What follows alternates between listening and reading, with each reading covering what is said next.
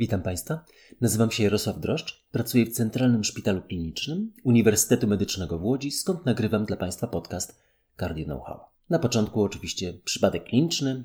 64-letni pacjent, pracownik umysłowy o bardzo małej aktywności fizycznej przez całe swoje życie, dotychczas z poczuciem zdrowia, został skierowany na koronarografię przez lekarza POZ, właściwie do poradni trafił, z powodu narastającej męczliwości.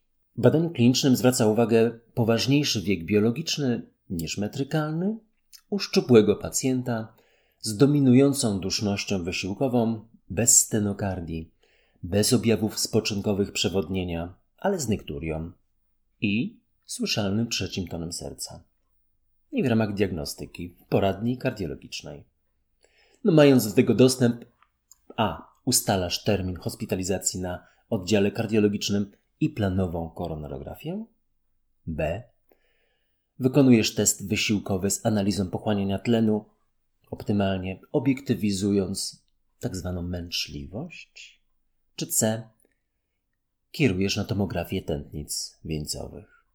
Szanowni Państwo, oczywiście na samym końcu będzie odpowiedź na to pytanie, które nie jest trudne, ale będzie nieco zaskakujące dla Państwa. Więc powiem Państwu, że jestem pod wrażeniem stawianych przez Państwa pytań, bo stawianie dobrych pytań jest trudniejsze nierzadko od udzielania na nie odpowiedzi. Naprawdę gratuluję. Trzy pytania. Z jednym od razu powiem, że się poddaję. Związek miażdżycy z chorobami z zakresu reumatologii. Nie sądzę, żeby tu był jakiś ścisły związek. Patrząc na moich pacjentów poradni, którzy mają jakiekolwiek istotne reumatologiczne choroby. Nie odbiegają oni pod kątem zakresu miażdżycy w jedną ani w drugą stronę. Typowo leczę, typowo diagnozuję. Nie, nie upatruję tu większego problemu, aczkolwiek jestem przekonany, że gdybym się wczytał w literaturze, w literaturę, znalazłbym bardzo wiele ciekawych informacji, ale tak jak mówię, poddaję się. Pozostają dwa pytania. Pierwsze, pani Anny, Najczęstsze błędy niekardiologów w leczeniu niewydolności serca. Bardzo interesujące, ciekawe i ważne pytanie. Milionowa populacja pacjentów z niewydolnością serca oczywiście, że jest leczona nie tylko przez kardiologów, a właściwie w zasadzie jest przede wszystkim leczona nie przez kardiologów, przez lekarzy pierwszego kontaktu. I no teraz wiem, dlaczego mamy system dziesiętny. Dziesięć takich zaleceń czy spostrzeżeń moich z poradni, ze szpitala, patrząc na dokładnie praktyczną stronę odpowiedzi na to pytanie. Pierwsza sprawa. No samo rozpoznanie niewydolności serca. Ja się opieram na przewodnieniu, na obecności duszności wysiłkowej ortopnoe astma cardiale, czyli jednak relacji przewodnienie krążenie małe. I trzecie to jeżeli ktoś już ma niewydolność serca rozpoznaną i ma leki, po których objawów klinicznych przewodnienia duszności nie ma, to nadal ma niewydolność serca. Nadal powinien być leczony wszystkimi preparatami, które są w tym zakresie yy, zalecane. A zatem to rozpoznanie nie jest takie bardzo, bardzo proste. I jak widzicie Państwo, nie idę takim torem, że wytycznych, czyli mówiąc definicję, bo ona jest trudna nawet do wyartykułowania. Druga sprawa. Ocena kliniczna progresji. Pewnie bym sobie bardziej życzył, żebyście Państwo porównywali aktualny stan pacjenta z tym, co było tydzień temu, miesiąc temu, rok temu. Jeżeli chodzi o brzęki, trzeci ton serca to już nasza domena, dystans marszu, nykturię. Chyba za często mm, młodzi koledzy oceniają aktualny stan nie patrząc na taką relację do poprzednio występujących objawów. Trzecia, masa ciała. Oczywiście, że jest pewien fenomen, który mówi o tym, że u pacjentów z niewydolnością serca mała masa ciała BMI poniżej 25 wiąże się z nieco większym yy, zagrożeniem. To prawda. Ale jednak ewidentnie pacjenci z nadwagą mają zdecydowanie więcej niewydolności serca. To jest czynnik, który jest Myślę, że ostatnimi czasy coraz więcej na ten temat mówimy, ale jeszcze niedoceniany. W związku z tym zalecamy bardzo powolną, ale konsekwentną redukcję masy ciała. No wyjątkiem tu jest kacheksja, bo wtedy marzymy o tym, żeby pacjent jednak utrzymał masę ciała, to nierzadko nie udaje się y, zachować, ale na pewno redukcja masy ciała w kacheksji jest czymś złym, ale to Państwo czujecie również intuicyjnie. Czwarta sprawa. Kiedy koronarografia? No jedna odpowiedź. Rzadko. Rzadko. Kilka procent rewaskularyzacji w danych Narodowego Funduszu Zdrowia.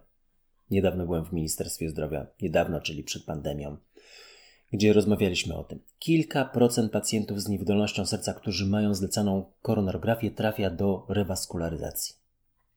Więc to jest najczęściej taka metoda, która pozwala powiedzieć, że tam nie ma istotnego zwężenia albo nie ma wskazań do rewaskularyzacji. Piąta rzecz. Stosowanie diuretyków. W zasadzie diuretyki pętlowe, a w zasadzie torasemid. Szósta sprawa. No pamięć o antagonistach aldosteronu. Spironolakton, eplerenon. Idzie teraz nowy lek do Państwa. Myślę, że już niebawem będzie. Kto czyta New England, inne czasopisma to wie, będziemy o tym mówić. Ale na razie mamy spironolakton i eplerenon. Niezwykle ważne leki w prewencji długofalowej, bardzo dobre w prewencji krótkofalowej, w migotaniu przedsionków, które może wikłać niewydolność serca. Siódma sprawa. No, gdy mamy sakupitryl valsartan, a to jest lek coraz częściej stosowany, no nie wolno dodać inhibitora konwertazy, bo tam oczywiście w tym preparacie jest valsartan, więc sartan. Nie ma też sensu dodawać sartanu, w związku z tym wyjątek. Pacjenci z niewydolnością serca leczony preparatem sakupitryl valsartan nie powinni mieć inhibitora ani sartanu dodatkowo podawanego. Ósma rzecz, niezwykle ważna i również aktualna, flozyny. No, to nie są leki na cukrzycę, to są nasze leki kardiologiczne, internistyczne. W ogóle z cukrzycą nie ma, nie ma tu nic wspólnego. Pacjent może mieć bądź nie mieć cukrzycy i powinien dostać flozynę, jeżeli ma niewydolność serca. Ogromne i wymiernie, wymierne klinicznie korzyści.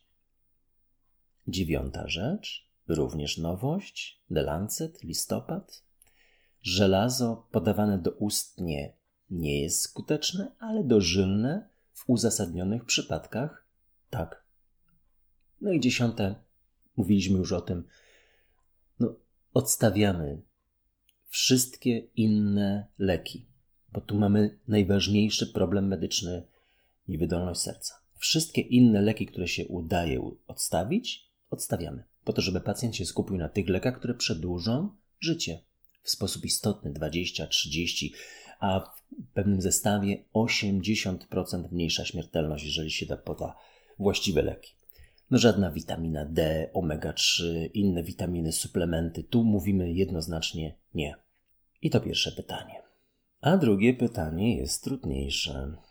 I również uśmiecham się, ale pytaliście Państwo, jaki pies powinien być przez osobę, która zadała to pytanie, pokłaskany po uszach po poprzednim odcinku.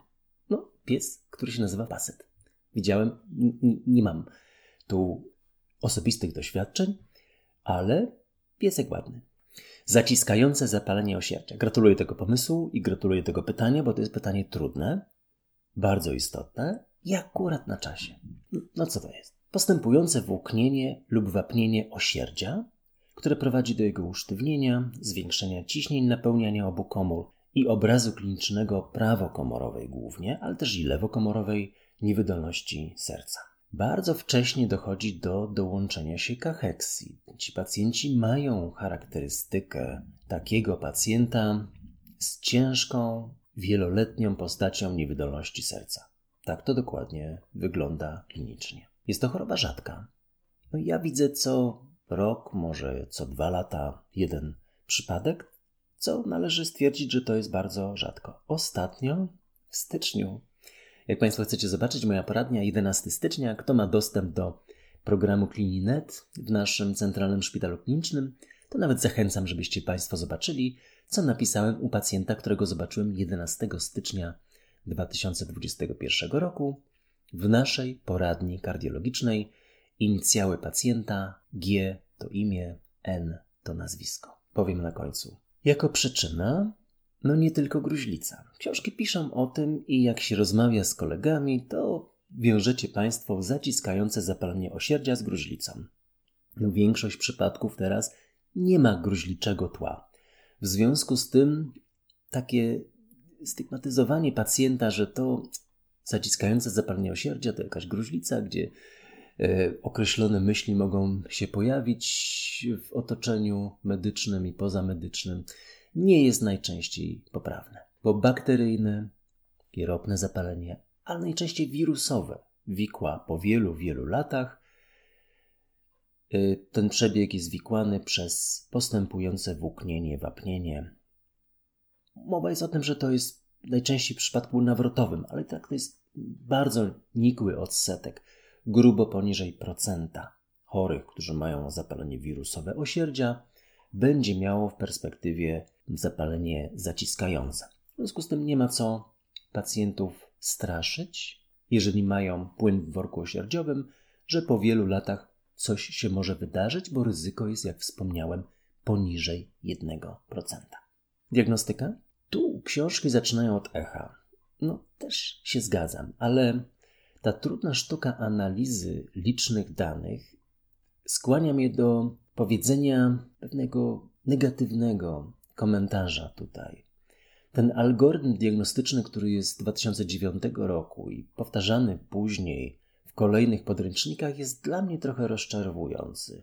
Nie wykonuje już teraz dużo ech, ale jestem w stanie sobie wyobrazić, że sporo pacjentów przeszłoby tą kaskadę pytań i odpowiedzi z podejrzeniem zapalenia zaciskającego osierdzia, ale najczęściej oni go mieć nie będą. Dla mnie diagnostyka zaciskającego zapalenia osierdzia przede wszystkim opiera się o promienie rentgenowskie. Jest to zdjęcie rentgenowskie. Miałem na egzaminie z interny tysiąc lat temu ten egzamin zdawałem i miałem takiego pacjenta, u którego nie rozpoznałem zaciskającego zapalenia osierdzia i dopiero kiedy pan profesor Jan Dobek powiedział, niech pan kolego dokładniej popatrzy na to zdjęcie, bo koncentrowałem się na polach płucnych, na sylwetce serca. I jak pan profesor zwrócił mi uwagę, zobaczyłem takie linijne, jasne, czy ciemne to, ale jasne w rentgenie, miejsca, które były tak ujętym przez promienie, czy objętym przez promienie rentgenowskie workiem osierdziowym i oczywiście tłumienie tych promieni układało się w takie linijne postacie zwapnień. Teraz sięgam do tomografii komputerowej, która jest lepsza, a nierzadko czasem rezonans magnetyczny. Zwrócić należy uwagę na dwie postacie zapalenia osierdzia zaciskającego. Przemijające zaciskające zapalenie osierdzia i wyciekowo zaciskające zapalenie osierdzia. To pierwsze, przemijające, jest związane z wysiękiem zapalnym, czy odczynem zapalnym mięśnia, i tutaj CRP pomaga nam identyfikować tych pacjentów, a rezonans pokaże odczyn zapalny mięśnia. I to jest pacjent, u którego nie kierujemy się, tak jak za moment powiem, do leczenia operacyjnego, ale wykonujemy czy przeprowadzamy próbę leczenia przeciwzapalnego. To drugie, wyciekowo zaciskające, jest jeszcze bardziej groźne, ponieważ to sztywne osierdzie sprawia, że nawet mała ilość płynu daje ryzyko krytycznej tamponady. To oczywiście jest bardzo groźna postać, trudna do diagnostyki. W leczeniu farmakologicznym należy zwrócić uwagę, że diuretyki i beta-adrenolityki, które należy stosować, bo to jest niewydolność serca, oczywiście, z przewodnieniem, należy je stosować ostrożnie. Dlatego, że musi być utrzymane pewne ciśnienie napełniania.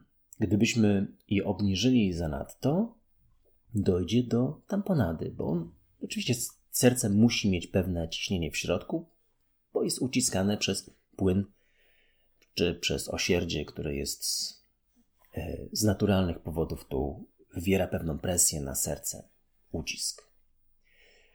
Diuretyki tak, ale nie za dużo. Beta-adrenolityki tak, ale absolutnie należy unikać bradykardii. I tu trochę oczekiwałbym w różnych podręcznikach bardziej konkretnego sprecyzowania tych właśnie problemów. ale zasadniczą metodą leczenia jest usunięcie osierdzia. Zabieg chirurgiczny, kardiochirurgiczny, perikardiektomia. Bardzo trudna, rzadko wykonywana operacja. Niewielu kardiochirurgów ma tu swoje własne doświadczenie. Bardzo dobrego doświadczenia możemy się spodziewać po kilku kardiochirurgach w kraju, więc warto sięgać do tych najlepszych. Dobre wyniki są wtedy, kiedy pacjenta mamy z niezaawansowaną chorobą, a sama operacja zmierza ku temu, żeby odbarczyć nie tylko przedsionki, ale także komory. To jest naturalne, ale to nie, za, nie zawsze wszyscy dokładnie rozumieją, że tak naprawdę to jest zaburzenie funkcji rozkurczowej komór. Przedsionki nie mają tu nic do rzeczy, tam jest ciśnienie wyższe z powodów oczywiście komorowych. No i bez operacji śmiertelność sięga 90%. Po operacji też nierzadko jest na poziomie tej śmiertelności w ciężkiej niewydolności serca, zatem 50% w ciągu 10 lat. Wysokie ryzyko. I mam dla Państwa niespodziankę.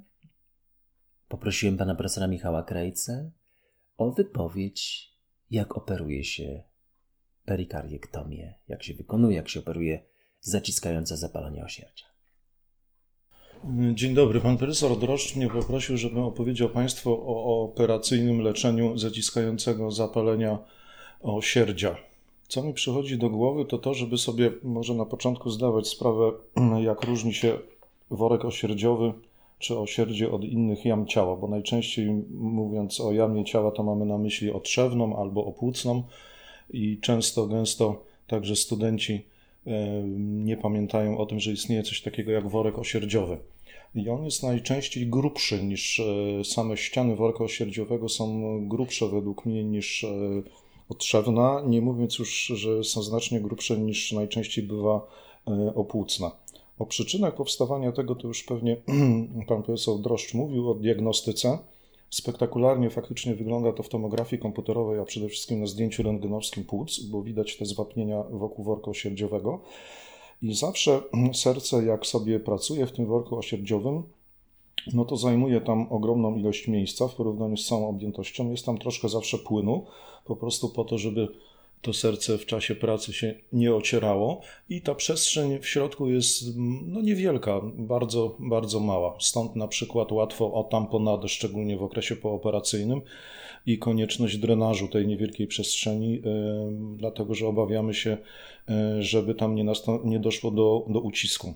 Wbrew temu, co większość osób mogłaby sądzić, przy zaciskającym zapaleniu osierdzia nie chodzi o to, że serce nie ma siły się kurczyć. Chodzi wręcz o coś odwrotnego, że upośledzona jest funkcja rozkurczowa serca i to głównie prawego serca e, i upośledzony napływ. Dochodzi do zastoju i głównie z tym mamy problem. E, nie chodzi tyle o odpreparowanie tych wszystkich, nawet nie tyle wzrostów, co zwapnień z lewego serca, ile o uwolnienie napływu do prawego serca, do przedsionka, uwolnienie prawej komory, a mm, głównie w znacznej mierze o to, aby e, uwolnić z tych zwapnień e, żyłę główną górną i żyłę główną dolną. I teraz na czym polega podstawowa trudność? O ile zrobienie sternotomii no, nie powinno nam nastręczać jakiegoś większego problemu, to w skrajnych warunkach, a najczęściej niestety e, jest to, mm, jest to trudne, dochodzi do zwapnienia tego worka osierdziowego. I to jest lite zwapnienie, które można popukać narzędziem czy palcem, e, które jako żywo przypomina, no załóżmy, nie wiem, tynk na ścianie i często ma grubość nawet jednego centymetra. E, I to bardzo mocno jest przyrośnięte, zespolone z dość e, cienkimi ścianami serca, szczególnie jeśli mamy na myśli prawy przedsionek, a już nie mówiąc o żyle głównej górnej i żyle głównej dolnej. I mamy niestety taką sytuację, kiedy próbujemy uwolnić bardzo cienkie struktury, przypominające, no powiedzmy, nie wiem, worek nylonowy czy wręcz celofan. U starszej osoby kawa górna i dolna są bardzo, bardzo delikatne i cienkościenne, e, a próbujemy z tego uwolnić bardzo lite i twarde zwapnienia, czyli mamy bardzo trudną sytuację, jeśli chodzi o technikę e, chirurgiczną. I niestety powikłania przy takiej operacji pod tytułem, e, czyli krwawienie, no, zdarzają się niestety nader często i są bardzo trudne do zaopatrzenia, bo e, te zwapniałe, sztywne tkanki są, no, nie nadają się praktycznie do szycia. Można to próbować zaopatrywać łatą jakąś, ale jest to generalnie bardzo, e, bardzo trudne. Stąd niestety trzeba się pogodzić z tym, że taka operacja rzadko kiedy bywa doszczętna nie jest wcale powiedziane, że nam się uda uwolnić cały worek osierdziowy i wszystkie te zwapnienia stamtąd y, z worka osierdziowego zlikwidować i uwolnić całe serce. Niestety najczęściej nie udaje się zrobić tego w całości. Chociaż kierując się bardzo prostym badaniem, które mamy cały czas wgląd na kardiomonitorze, czyli ośrodkowe ciśnienie żylne, mamy to CVP cały czas do wglądu, widzimy, że w miarę postępu tej dekalcyfikacji, bo tak to można nazwać, uwalniania tych wzrostów, czy robienia wręcz jakichś nacięć, wykruszeń tych wszystkich mas, e, e, widzimy, jak e, spektakularnie następują zmiany w OCZ i w jaki sposób ta hemodynamika krążenia i, tego serca uwalnianego krok po kroku się poprawia. Czasami są to dość spektakularne efekty. No i trzeba pamiętać o tym, no w tej chwili rzadko się robi takie operacje. Ja tutaj pracując w Łodzi już piąty rok bodajże z rzędu, to chyba jest to pierwszy pacjent. Kiedyś z 30 lat temu takich chorych było znacznie więcej i częściej się to zdarzało. No najczęściej na podłożu myślę, że gruźlicy, jednak starej, leczonej, zaniedbanej czy, czy, nie, czy niewłaściwie leczonej, która dawała tego typu E, późne e, powikłania. No, operacja, która jest zakończona sukcesem, przynosi choremu no, spektakularną poprawę, wręcz ratuje życie, a e, w sposób niebywały ułatwia mu normalne, codzienne funkcjonowanie, co jest chyba dość oczywiste. Także trzeba mieć to w pamięci, że niestety nie zawsze, pomimo najlepszych chęci y, kardiochirurga, taka operacja ma techniczne szanse powodzenia. No z drugiej strony nie podejmowanie takiej decyzji i nie podejmowanie próby leczenia operacyjnego no nie przyniesie choremu żadnej poprawy, wprost przeciwnie, ta sytuacja będzie się z czasem y, pogarszać i nie ma tutaj innego leczenia takiego przyczynowego, które poprawi stan zdrowia chorego. Także trzeba się z tym w jakiś sensie y, pogodzić i, i, i takie ryzyko jednak y, podejmować. No, literatura podaje bodajże, że, że bardzo groźne powikłania towarzyszące takiej operacji to jest nawet kilkanaście do 20%, no, czyli generalnie rzecz biorąc znacznie, znacznie częściej y, dochodzi do bardzo groźnych powikłań, no, z 10 razy częściej niż przy takiej przeciętnej plus minus E, ryzykownej, mm, mniej czy bardziej operacji kardiochirurgicznej. Także trzeba być trochę wyrozumiałym dla kardiochirurgów, bo, bo nie zawsze taka operacja kończy się sukcesem. Bardzo dziękuję panu profesorowi. Zawsze mam ogromną przyjemność słuchania, Michał, jak opowiadasz o tych trudnych rzeczach. A zatem co robimy u pacjenta? Kierujemy na tomografię tętnic wieńcowych. Ale u tego pacjenta, przypomnę, 11 stycznia 2021 roku Patrząc na niego, pomyślałem sobie, że to może być zaciskające zapalenie osierdzia i napisałem dokładnie sformułowanie, które Państwu przeczytam. Pacjent z chorobą wieńcową po koronografii w 2017 roku skierowany na badanie angio-CT celem oceny tętnic wieńcowych, celem wykluczenia istotnych przewężeń oraz osierdzia, celem wykluczenia zaciskającego zapalenia osierdzia. Zwężenie jest, zaciskające zapalenie osierdzia jest w opisie, zobaczcie Państwo, Kilka dni później pacjent trafił do nas na Hard Team i został 26 lutego zakwalifikowany do leczenia operacyjnego po wykonanej koronarografii angioplastyce zwężenia w tętnicy okalającej. Szanowni Państwo, jeżeli będziecie mieli jakieś uwagi, komentarze, pytania, to kierujcie na media społecznościowe. Przyglądamy się, jak widzicie Państwo, staramy się udzielić odpowiedzi, czy staram się udzielić na nie odpowiedzi. Pytacie mnie czasem, czy wszystko, co mówię, mam napisane na kartce? nie, nie. Mniej więcej to tak wygląda, dlatego popełniam te błędy wypowiedzi gramatyczne, widzicie to Państwo, stylistyka i tak dalej, i tak dalej. To jest normalnie na żywo nagrywana wypowiedź. Jeżeli Państwo chcecie zobaczyć, jak wygląda ten mój, mm, moja informacja, na podstawie której teraz nagrywam ten podcast, to możecie zobaczyć na stronach internetowych. W tym tygodniu pewnie, ale na pewno już w przyszłym tygodniu będzie taki mój draft przygotowany też po części dla Państwa, ale przede wszystkim dla mnie, żebym nie zapomniał o jakimś fragmencie wypowiedzi. I głosowanie naturalnie zapraszam. Postaram się spełnić większość Waszych oczekiwań. Na razie mi się to udaje zrobić. I będę bardzo Państwu wdzięczny za promocję tego podcastu wśród lekarzy, wśród Państwa znajomych, bo to jest celem, żebyśmy zbudowali wokół Cardio Know-how dużą grupę lekarzy zainteresowanych rzeczywistą wiedzą praktyczną, uczyli się od siebie i od Państwa, Państwo ode mnie i wspólnie prowadzili tą opiekę kardiologiczną w tym przypadku na coraz wyższe poziomy. Bardzo dziękuję.